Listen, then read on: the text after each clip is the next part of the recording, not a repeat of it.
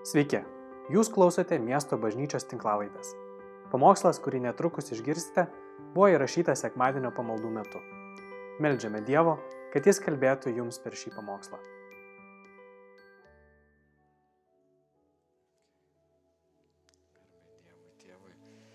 Sūnui ir Šventai Dvasiai. Ačiū šlovintojams. Labas rytas.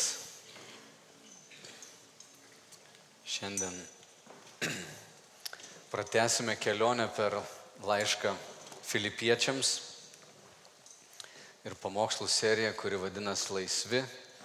Ir mes kalbam apie vidinę laisvę, kad a, žmogus a, turi laisvę, turi tokį orumą jam Dievo duotą, kurio niekas negali atimti iš jo, nebent žmogus pats atiduotų.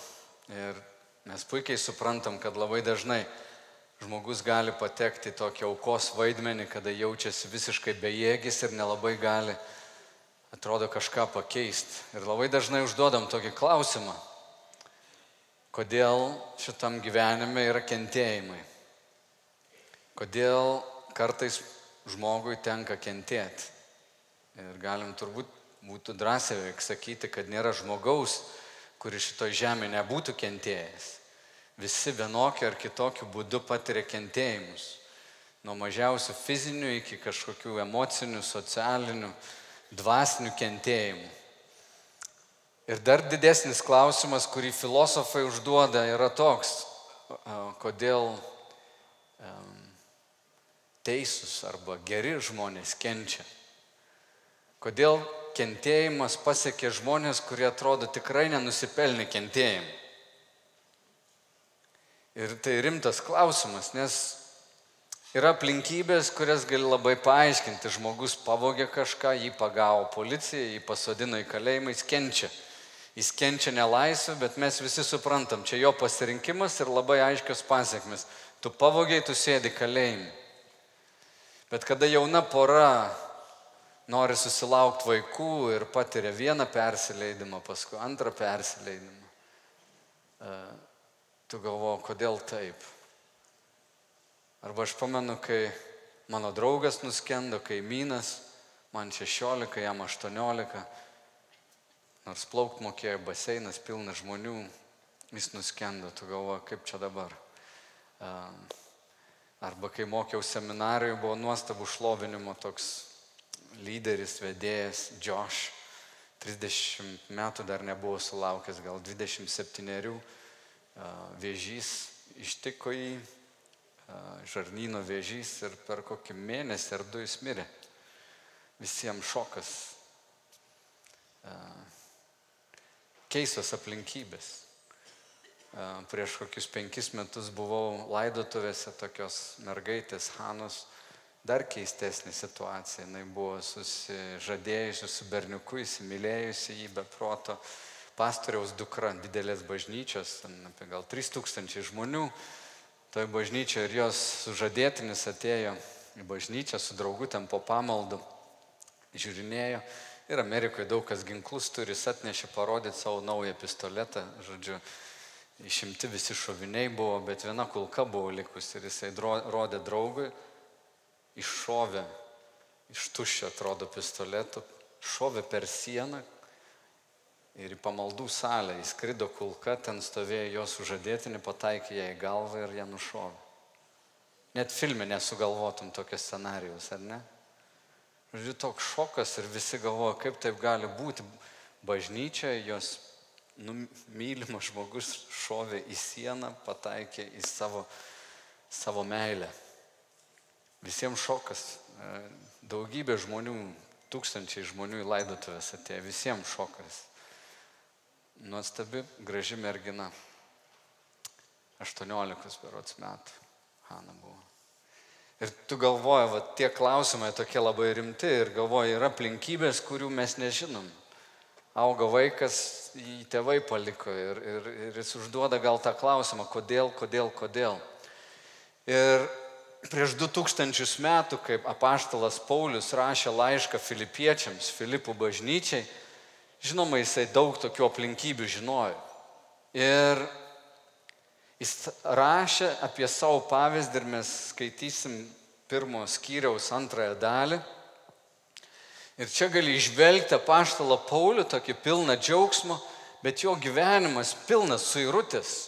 Tik tiek, kad jis žino, kad yra Dievo pašauktas, jis susitiko su Kristumi, nors buvo krikščionių persekiotojas, žudytojas, bet sutiko Kristų ir jo širdis persimainė, jis suprato, Kristus nugalėjo mirtį, jis yra viešpats, jis yra pats Dievas kuriejas, kuris atėjo čia į žemę. Tai pakeitė radikaliai suvokimą apie aplinką, apie, apie materialų pasaulį, apie save. Ir kai žiūri Pauliaus gyvenimą, jisai laiškė korintiečiams aprašo, pasižiūrėk, ar kam nors iš mūsų yra tekę kažką panašaus patirti, jau jis tampa krikščionimi pradeda skelbti gerą naujieną, kad Dievas myli žmonės ir gali primti didžiausią nusidėjėlį. Ir štai kaip jis aprašo savo gyvenimą antram laiške korintiečiams 11 skyriui, jis sako, aš daug daugiau darbavausi negu kiti apaštalai, gavau rykščių besaiko, daugiau kalėjau ir daugel kartų buvau mirties pavojuje. Nuo žydų gavau penkis kartus po keturiasdešimt be vieno kirčio. Tris kartus buvau muštas lasdomis. Vieną kartą buvau užmėtytas akmenimis. Tris kartus pergyvenau laivo sudužimą. Ištisą parą plūduriavau jūroje. Dažnai buvau kelionėse, upių pavojose, pavojose nuo plėšikų, pavojose nuo tautiečių, pavojose nuo pagonių, pavojose mieste, dykumos pavojose, pavojose jūroje, pavojose nuo netikrų brolių kenčiau nuovargį ir skausmą, dažnai būdėjau naktimis, alkau ir troškau, dažnai pasninkavau, kenčiau šalti ir nuogumą, neminint viso kito, kas atsitinka kasdien, rūpinosi visomis bažnyčiomis. Kas iš mūsų galėtų tokį sąrašą pateikti?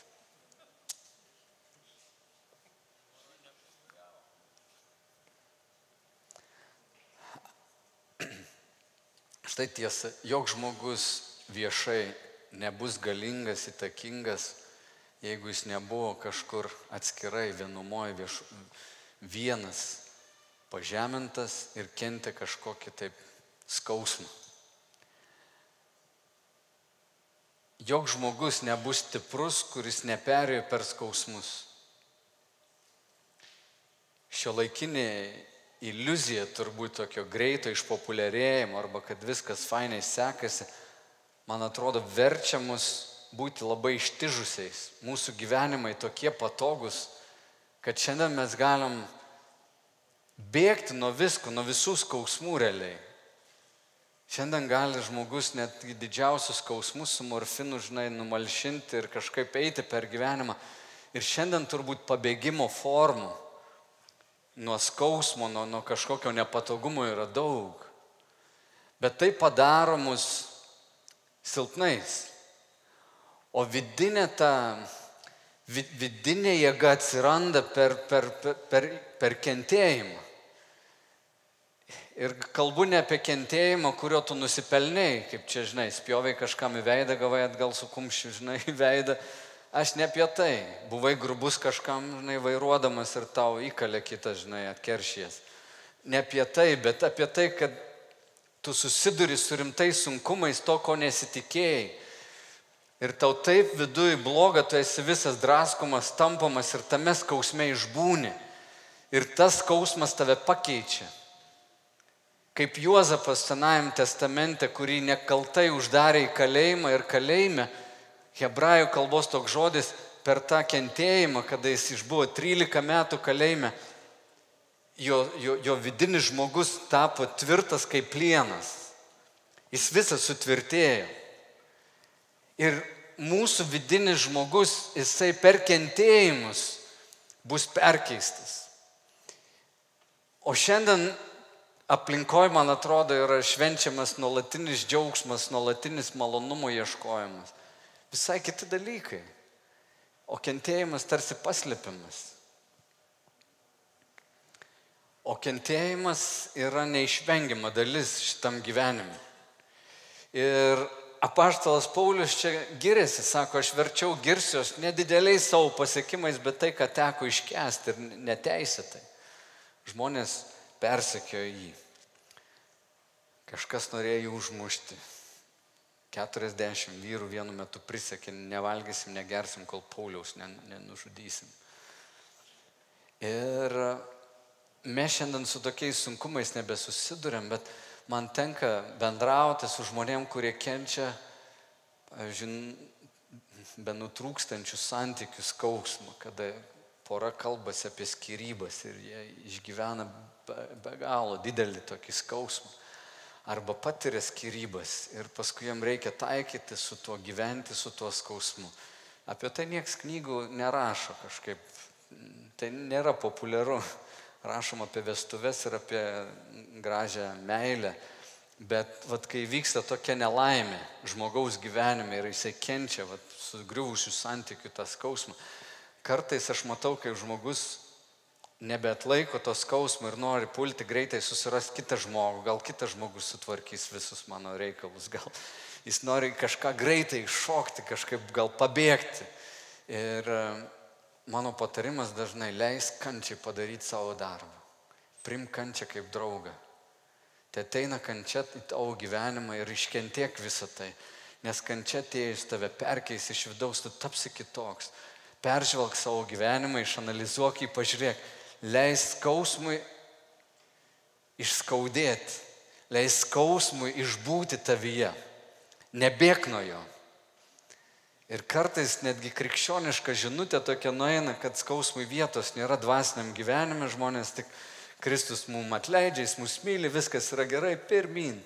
Bet apaštalas Paulius bažnyčiai rašo tą laišką ir atrodo, jis nu, taip nuoširdžiai ir atvirai pasakoja savo istoriją, bet šiandien kalbam apie mūsų požiūrį, kad mes kiekvienas turim savo žvilgsnį, kurį galim suformuoti, ką mes pasakysim savo apie savo aplinkybės, apie save, apie savo gyvenimą.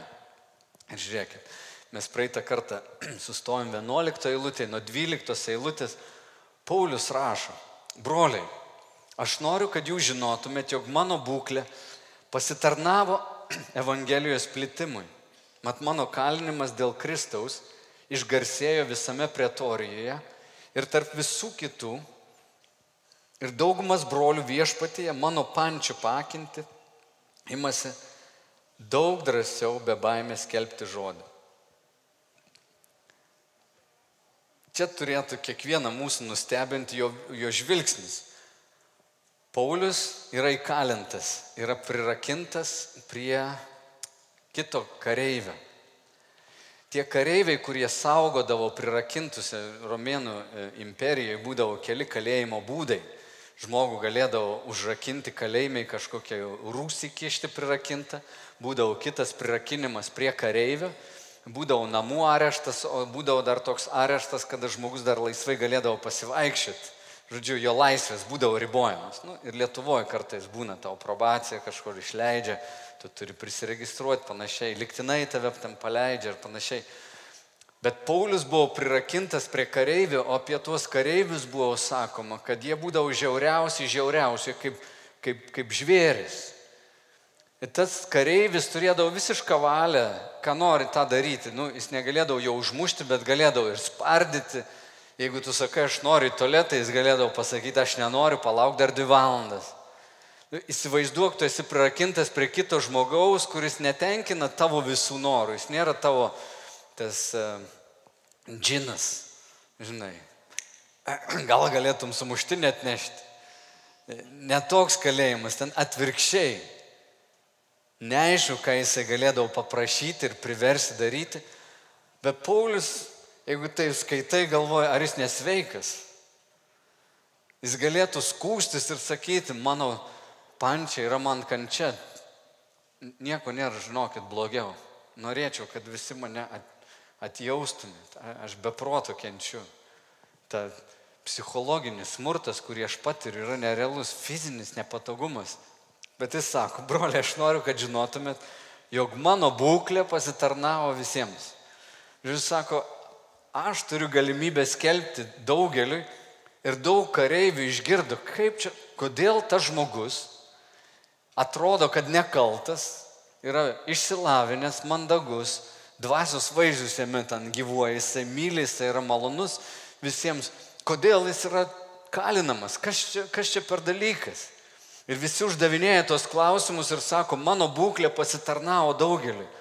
O dar kitas dalykas, kad kiti broliai, kurie anksčiau gal buvo nedrasus tokie, bijojo e, pasakoti kitiem apie Dievą, e, aš gal noriu būti toks privatus krikščionis, niekam nepasakoju. Kai jie pamatė, kad aš toks drasus, aš visiems pasakoju, jie irgi tapo dar drąsesni. Tai Pauliaus žvilgsnis į aplinkybės toks mano aplinkybės tragiškas. Bet jos pasitarnavo Evangelijos labai. Čia jau yra žvilgsnis ir yra požiūris žmogaus. Kai mes patenkam į aplinkybės, dažnai mes negalim jų atmainyti, nebegalim jų atkeisti. Bet ką tu gali pakeisti, ką aš galiu pakeisti, yra mano žvilgsnis ir ką aš darysiu. Ir jeigu tu ir aš užstriksim ant to klausimo, kodėl man atsitiko taip, tai mes save pastatom į tą centrą ir sakom, kodėl man taip atsitiko. Aš nenusipelniau tokio elgesio arba aš nenusipelniau tokių aplinkybių. Realiai mes save į centrą pastatom ir galvojam, kodėl man tai blogai. Ir visą laiką tas klausimas, kodėl, bus susijęs su mūsų būsena. Kodėl aš išgyvenu nepatogumą. Paulius neužduoda tokio klausimo, kodėl, bet jis skelbia ir daro tai, ką jisai pašauktas yra daryti - skelbti Evangeliją. Ir jo žvilgsnis į aplinkybės tai yra dar viena galimybė. Kiekviena aplinkybė yra dar viena galimybė. Galimybė skūstis, galimybė dėkoti, galimybė kerštauti, užsidaryti ir į save žiūrėti, arba galimybė parodyti Kristų kitiems. Ir tas žvilgsnis kitoks, su padėka, jis žmonėms ir yra toks, kur sproginėja pas juos saugikliai. Kas čia? Kodėl žmogus dėkoja patekęs į nesėkmę? Kodėl žmogui kažkas blogo atsitiko, o, o, o jis nepratruko visiškų pykčių? Va čia jau yra skirtumas. Man, kaip minėjau praeitą kartą, Viktoro Franklį, kai jo žmona e, likus viena gyva, bet visa giminė, visi artimieji nužudyti koncentracijos stovykloje, dujų kamerose, užmigdyti ir kūnai sudeginti. E, jis lieka toliau dėkingas gyvenimui už, už tai, kad turi laisvę, kad gali eiti, turi tikslą, jis juda toliau. Paulius čia lygiai taip pat. Taigi vietoj klausimo, kodėl tai vyksta, galim paklausti, koks turėtų būti mano požiūris į visą tai. Aš išmokau gerą pamoką ir mes namuose tai darom. Išgirdau prieš kažkiek tai metų apie motiną Teresę, kuri a, keliavo su keliom sesėm Toronto oro uoste ir ištiko jos ten bėda tokia didžiulė. Ir ateina viena sesuo pas motiną Teresę ir sako, motinėlė turim didžiulę problemą. Ir motina Teresė sako, nesakyk problemą, turim dovaną. Ir sako, nuo to laiko mes visos seserys pradėjom visas problemas vadinti dovanom. Ir mes namuose su žmona irgi ateinam arba paskambinam, sakom, turi dovaną. Gali porą tūkstančių eurų kainuoti. turim dovaną. Bet vien tai, kad tu pasakai, turim dovaną, galimybę kažkaip kitaip reaguoti, tave išlaisvina iš to, kad aš nebesu auka, aš gavau dovaną. Gavom dovanėlę. Praeitą savaitę aš gavau dovanėlę. Čia beveik norisi, žinokit, nukrypsiu trumpai gerai. Mane taip paveikė čia apie svetingumą. Sugėdo mašina ir aš nuvežiau į vieną vietą, sako, netaisom, nuvežiau į kitą vietą, sako, kainuos tiek ir tiek. Žodžiu, tiek, kiek mašina kainuoja. Ir tada galvoju, kaip gaila, praradau mašiną, geriau gal tada detalėms atiduoti, nes dar kažkiek pinigėlių gausi, arba remontuoti. Žodžiu, nežinau, ką daryti, e, nebėra mašinos.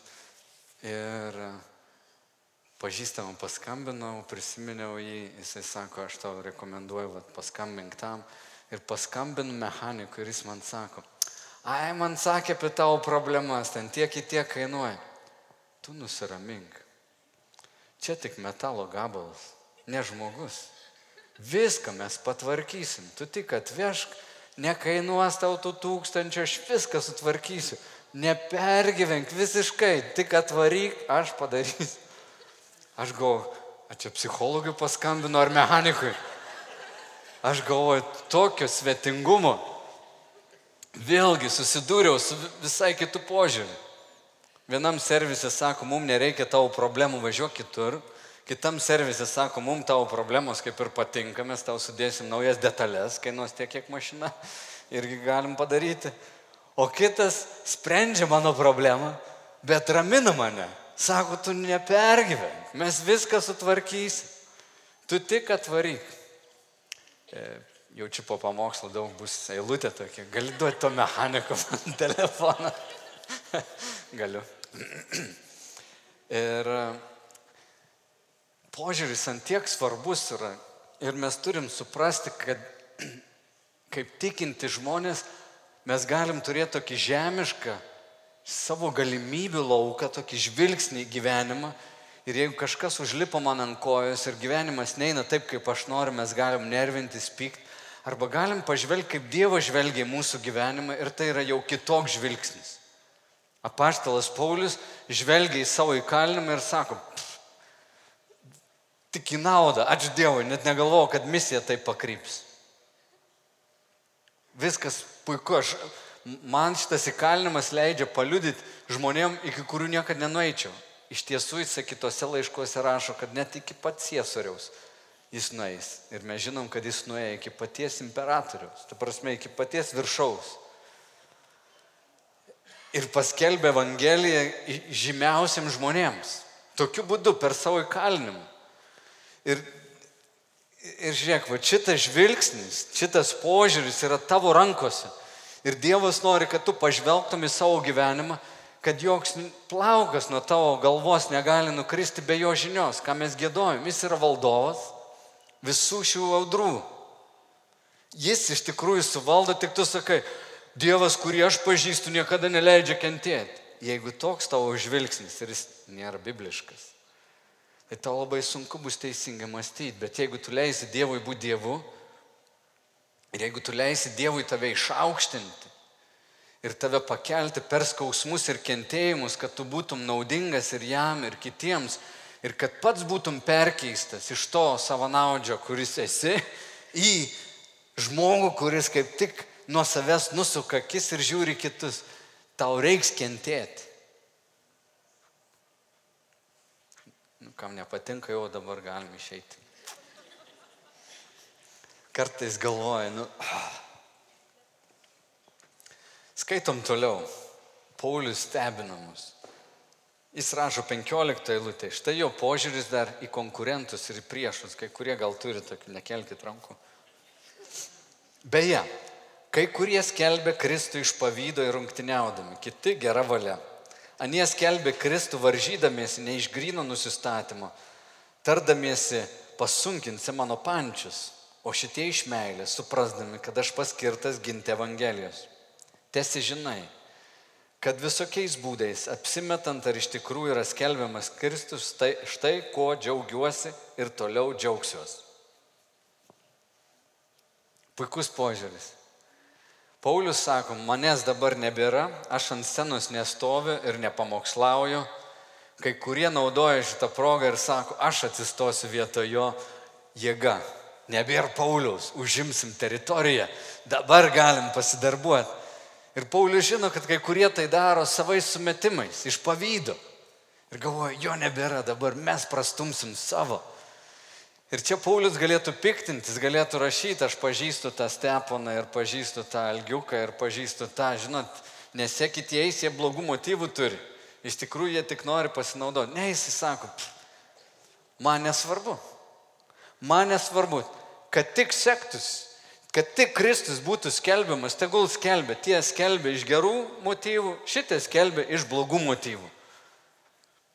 Čia irgi yra požiūris ir Paulius taip nuspręsdamas yra laisvas nuo jų. O jeigu tu norėtum juos pakeisti, kad jie sustotų, įsivaizduoju, kokį darbą savo išsikeli. Ne, ne, ne, čia ne, aš, aš nenoriu, kad mano pozicijas užimtų, mano teritorija traukiasi, mano rinkos dalis mažėja. Ką daryti, konkurentai spaudžia, aplinkia mane. Jų rodikliai dar geresni negu mano, vargas man. Ir šitas mažas mąstymas yra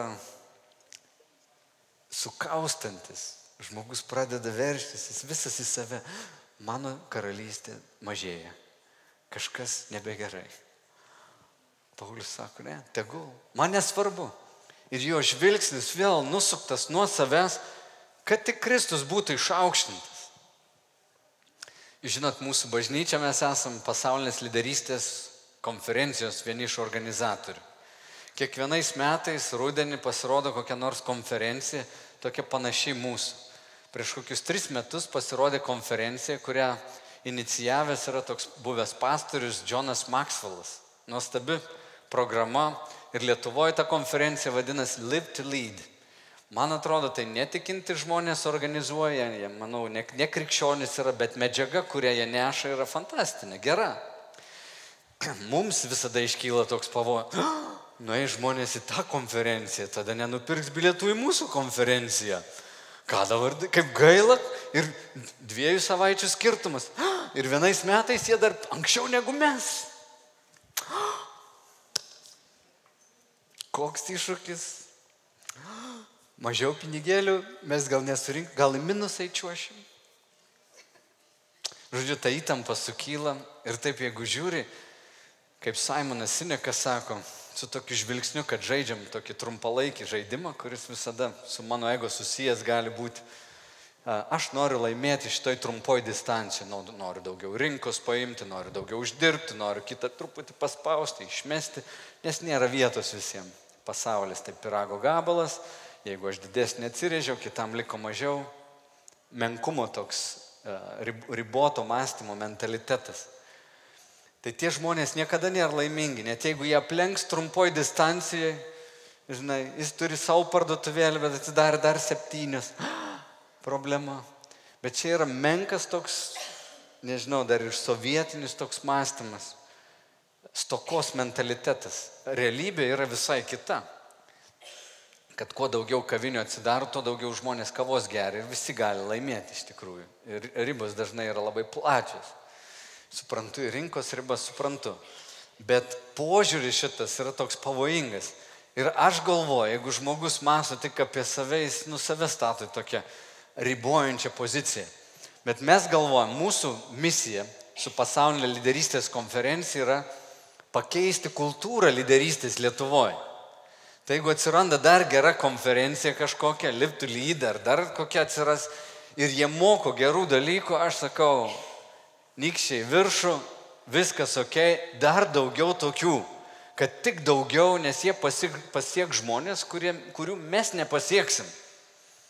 Ir ta kultūra, kad ji pasikeistų, turi daug daugiau knygų gerų būti atspausdinta, daug daugiau renginių suorganizuota, kad kultūra pasikeistų. Todėl jeigu kas užsimat sveikatingumu, jūs turit kokį klubą ar dar kokią mytybos ten kokią nors programą, atsirado jums konkurentai, tai žinokit, kad labai daug dar pilna yra vietos jums, kur pasireikšti. Panašiai su bažnyčia. Mes Vilniui prieš tris metus įsteigėm bažnyčią. Man kai kurie žmonės Vilniui pasakė, kam reikia dar vienos bažnyčios Vilniui. Aš galvoju, palaukit, pat šiandien sekmadienį, čia klaipėda. 150 tūkstančių. Kaip jums atrodo, kiek iš 150 tūkstančių šiandien sėdi pamaldose? Nu, būkim dosnus. Kiek duosim? 10 tūkstančių. Visi suprantam, kad tiek nėra. Nu gerai, bet 10 tūkstančių. Ką veikia 140 tūkstančių šiandien Klaipėdai?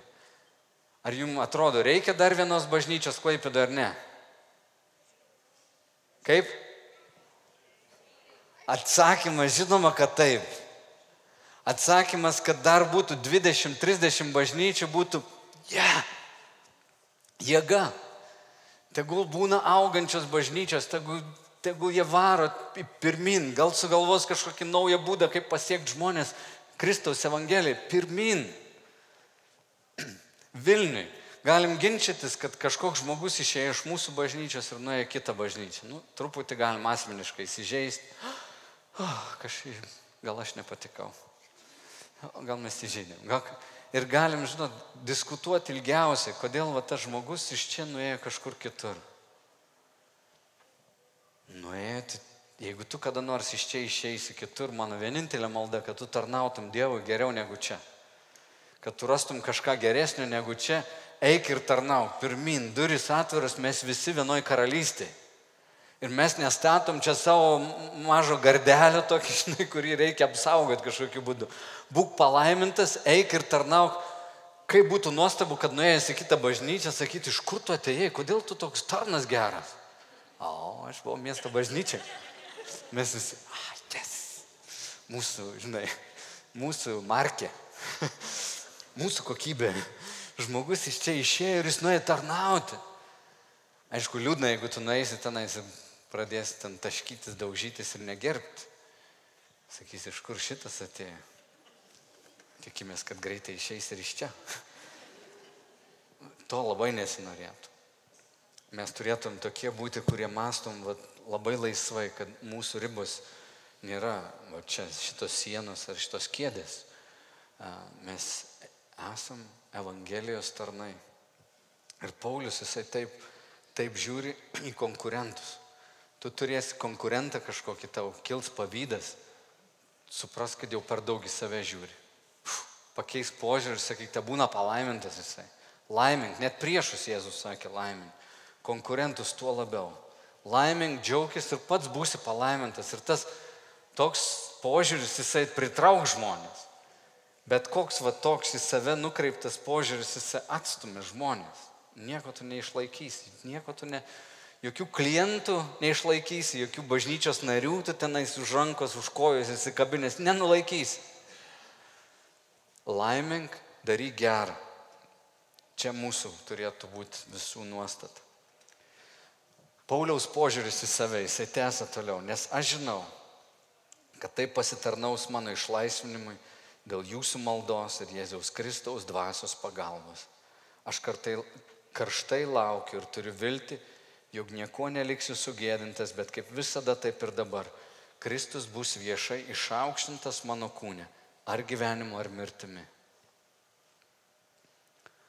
Paulius nori vieno dalyko, kad Kristus būtų patrauklus, kad Kristus būtų išaukštintas, kad, jam, kad Jėzui būtų garbė. Ne jam, ne Pauliui pasigirti, koks jis yra nuostabus, bet ar matomas yra Kristaus darbas Pauliuje. Ir sako, čia mano žvilgsnis į save toks. Aš tiesiog noriu, kad visa, ką aš darau, pasitarnautų. Ir jis sako, aš viliuosi, e, kad e, dėl jūsų maldos ir dvasios pagalbos man pavyks tai padaryti. Dėl jūsų maldos. Ir čia sustokim trumpai. Žiūrėk, apaštalas Paulius, koks jis bebūtų dvasingas, įkveptas žmogus, Dievo pažinimą turintis, jis sako, dėl jūsų maldos ir dvasios pagalbos. Jis nori, kad taip įvyktų. Be maldos, kur mes paprašom Dievo vienas už kitą, Dieve padėk jam, jo santokui, padėk jam jo reikaluose su vaikais, padėk jam jo darbuose. Be tos maldos, be dvasios pagalbos mes niekur nenueisim. Jėzus sakė, atsiskyrę nuo manęs jūs nieko negalit nuveikti. Tikinčio žmogaus gyvenimas, kaip ir praeitą sekmanį kalbėjau, turi būti pažymėtas to, be tavęs Dieve nieko negaliu padaryti. Tu esi tas, kuris pradėjai manyje gerą darbą, tu jį ir pabaigsi. Ir per maldą, per prašymą Dievę, ir kitų maldas, aš galiu judėti pirmin. Prašyk maldos pas kitus, melskis už brolius sesės. Aš taip dėkoju jums, kad jūs už mane melžiatės. Aš kartais būnu ratelį, va čia rytą mes buvom, kažkas už mane melžiasi. Man toks padrasnimas, nes aš galvoju, aš nenoriu būti, aš išaukštintas, aš norėčiau, kad Kristus būtų matomas, aš norėčiau kažkaip tą Evangeliją pamokslauti taip, kad jos neiškreipčiau, kad jinai būtų matoma, kad mūsų širdyse Dievo žodis sušvitėtų. Aš to noriu ir tą padaryti, aš ne, nemoku to padaryti, tik dvasia gali, kažkaip tą žodį galint. Ir nežvelgdamas į save, bet dėl Dievo darbo sakau, melskitės už mane, kad Evangelija būtų mano lūpomis skelbiama. Jeigu Dievas mane taip pašaukė, aš noriu taip pasitarnauti, bet man reikia maldos. Lygiai taip pat tu savo gyvenime, kaip Paulius įsikip kitai, man reikia maldos. Net jeigu varžybas važiuoja ir nori važiuoti į olimpinės varžybas. Melskis už mane, pasakyk kam nors. Noriu praeit, noriu geriausia padaryti, aš noriu siekti ir pasiekti. Ir tai yra normalu, kad mes prašom vienas kito maldos. Ir Paulius čia irgi sako, jo požiūris į save, man reikia jūsų, aš nenoriu vienas keliauti per šį gyvenimą. Ir toliau jisai sako, 21 eilutė, labai garsi tokia eilutė, man gyvenimas tai Kristus, o mirtis tai laimėjimas. Bet jei aš ar gyvendamas kūne dar galiu vaisingai pasidarbuoti, tuomet nebežinau, ką pasirinkti. Mane traukia ir viena, ir kita, nors verčiau man iškeliauti ir būti su Kristumi, nes tai visų geriausia. O mano pasilikimas kūne reikalingesnis jums.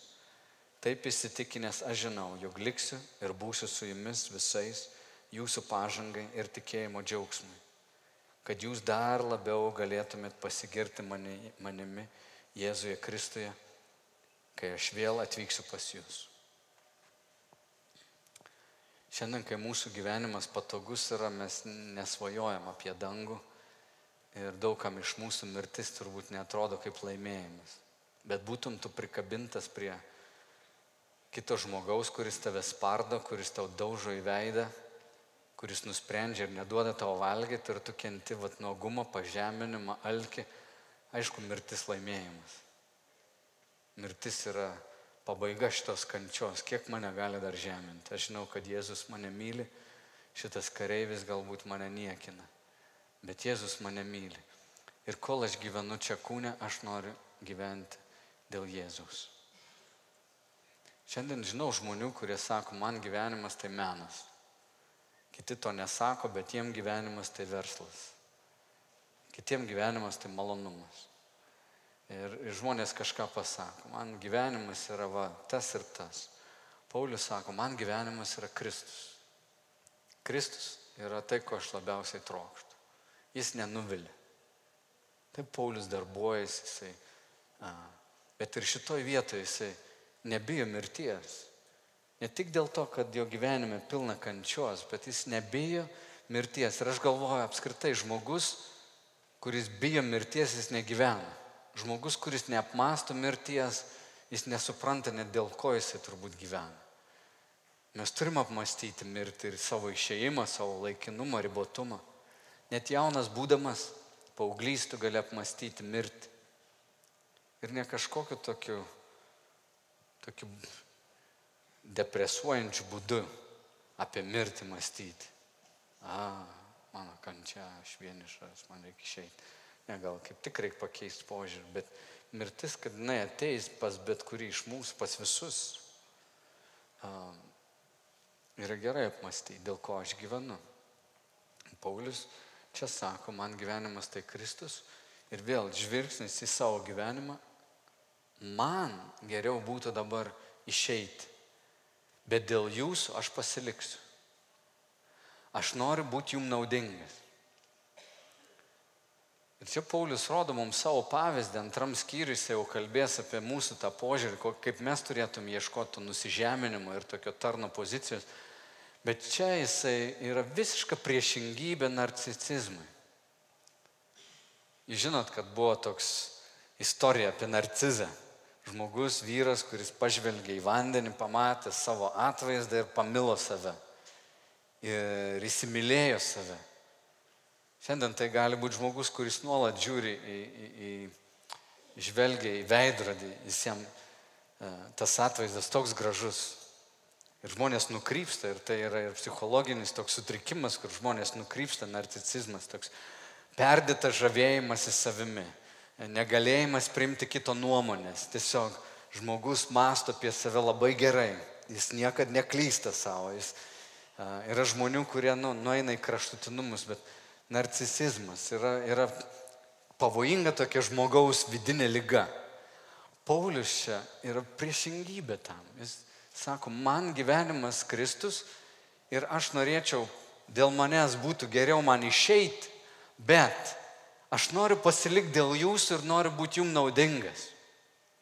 Pažiūrėk, jeigu toks būtų mano tavo požiūris. Aš noriu būti tau naudingas. Aš gyvenu dėl Kristaus, bet tarnauti Kristui man reiškia pasitarnauti savo artimui.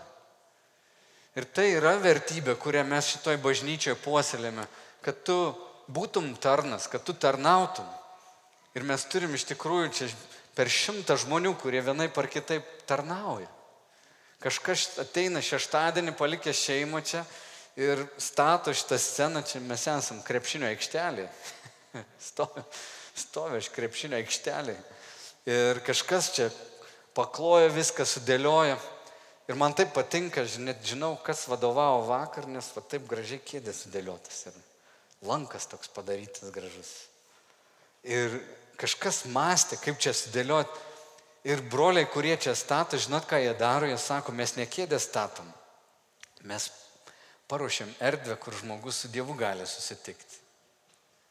Bet tas tarno nusistatymas toks, kad mes prisidedam prie to, nesvarbu, kur mes būtumėm, parke susitiktumėm, e, krepšinio aikšteliai, e, kažkokio gražioj salėje ar, ar bažnyčios va tokiam pastate, kur vien pamaldas ar mišios ten vyksta. Nesvarbu, kur būtumėm, kažkas va taip tarnauja ir Paulius sako, mano gyvenimas yra tarnavimas. Aš žinau, kad pasiliksiu, kentėjau, kentėsiu, kad būčiau jum naudingas. Ir man brandus žmogus yra ne tas, kuris daug teologinių tiesų plepa, kuris atsistoja ir sako, aš pasakysiu, kur tu klysti teologiškai. Net tą dieną jūs švenčiat šabą. Tai yra tą dieną ar kitą reiktų daryti. Arba tą ir tą. Jūs klystate labai, jūs nesuprantat laikų, jūs nesuprantat to ir ano. Man tai visiškai nedaro jokio įspūdžio. Žmogus, kuris tyliai ramiai tarnauja.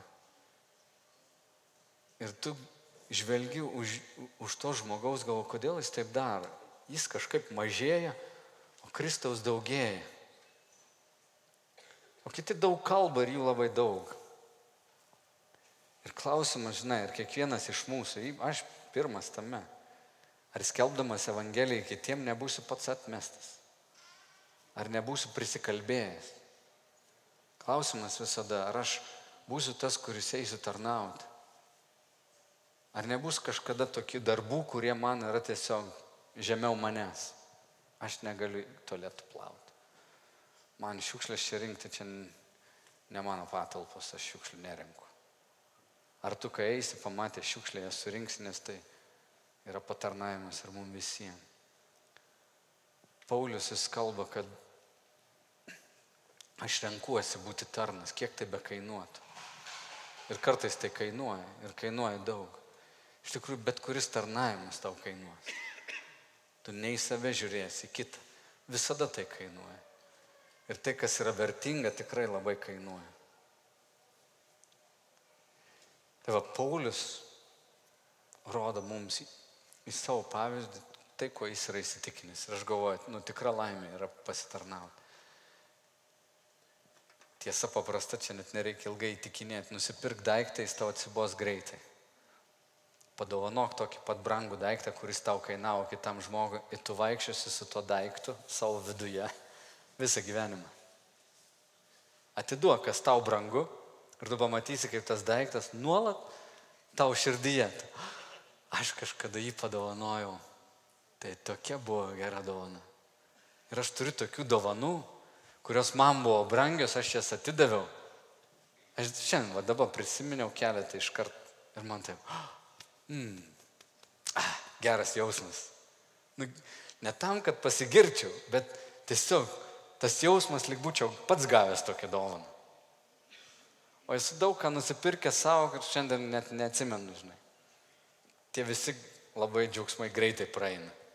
Naujus batus apsimovė, po savaitės nebe nauji batai. Atėjai darbą, to iš karto užminė, sako, nauji batai reikia užminti.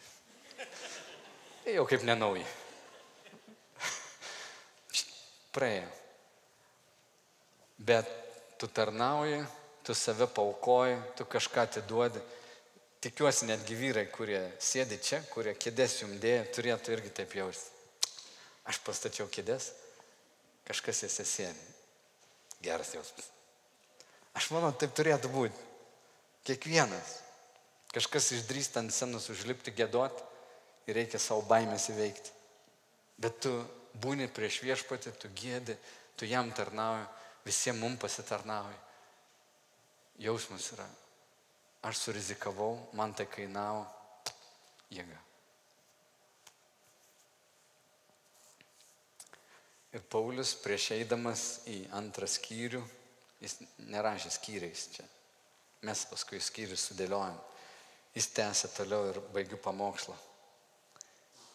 Tik tai jūsų elgesys te būna vertas Kristaus Evangelijos, kad atvykęs matyčiau, o jei neatvyksiu išgirščiau, kad gyvenate vienoje dvasioje, viena siela kartu kovojate už Evangelijos tikėjimą. Ir nieko nesiduodate priešininkų išgazdinami. Jiems tai žlugimo ženklas, o jums išgelbėjimo ir jis Dievo duotas. Nes jums duota dėl Kristaus ne tik jį tikėti, bet ir dėl jo kentėti kovojant tokią pat kovą, kokią matėte mane kovojant. Ir apie kokią dabar girdite, jog aš kovoju. Štai įvaizdis. Dvasinis gyvenimas yra kova. Aš noriu, kad jūs būtumėt geri ko kovotojai. Jūs matot mane kovojant, aš noriu, kad ir jūs kovotumėt ir kad jūs nepasiduotumėt. Nes visi, kurie jūs primuš ir matys jūs gėdančius, jiems tai bus pražūties ženklas. Kad jūs nesunaikinami. Jūs nesunaikinami. Štai mes jūs norėjom išsityčioti iš jūsų, galvojom, gal jūs kerštausit, bet tu nekerštavai. Priešininkams tai yra pražūties ženklas, nes tu nesunaikinamas. Tu turi tą laisvę vidinę iš Dievo žvelgti savo gyvenimą, ne kaip į savo, tu pasiruošęs savo gyvenimą paukoti, tai jiems pražūties ženklas, tau laimėjimo ženklas. Tu jau esi laimėtojas. Nes nežiūrint aplinkybių, tu kovoji gerą kovą, pasiryžęs toliau kovoti. Pasaulis tave traukia, gyvenk savo, daryk tą, ką nori, eik, realizuok save, išpopuliarėk, daryk kažką. Arba pasiduok, susinaikink, pasislėpk serialuose, tamsoje, su žvakutė ir vienatvės arbatos podeliu. Kur nors. Ir tu sakai, ne, ne, ne, ne, ne. Ačiū tau, Jėzau, kad turiu ką kvepuoti, ačiū tau, kad turiu ką valgyti, ačiū, kad turiu ko paprašyti, kad melsosi už mane. Te pasitarnauja mano gyvenimas tavo Evangelijai. Skelbiu ir skelbsiu ją tarnauja ir tarnausi, tikinčiam ir netikinčiam, kaimynui ir svetimam. Būsiu svetingas kaip tu. Jiems, tiem, kurie nori sunaikinimų, tai būna pražūties ženklas. Man laimėjimu. Aleliuja.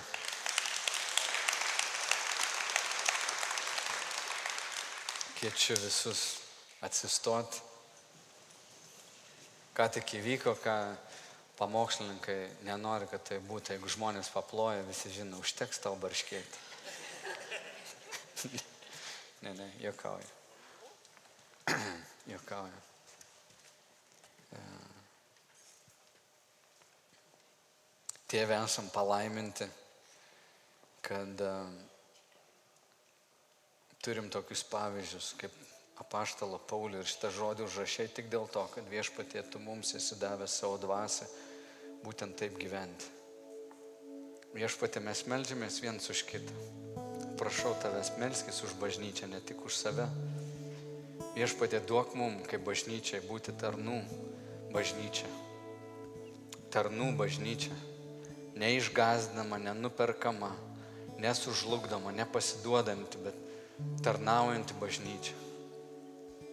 Laiminanti, nestatanti savo karalystės, bet laiminanti visus bendradarbius, laiminanti kitas bažnyčias, laiminanti kiekvieną tavo darbą. Viešpatė, padaryk mūsų tarnais, padaryk mūsų tarnais. Viešpatė, mes melžiamės už mūsų brolius sesės, kurie šiuo metu yra baisiose aplinkybėse. Kas išgyvena netekti, kažkokią baisę diagnozę, baimė dėl senatvės, baimė dėl mirties, skausmą dėl nutrūkusių santykių su vaikais ar su toktiniu, ar draugais.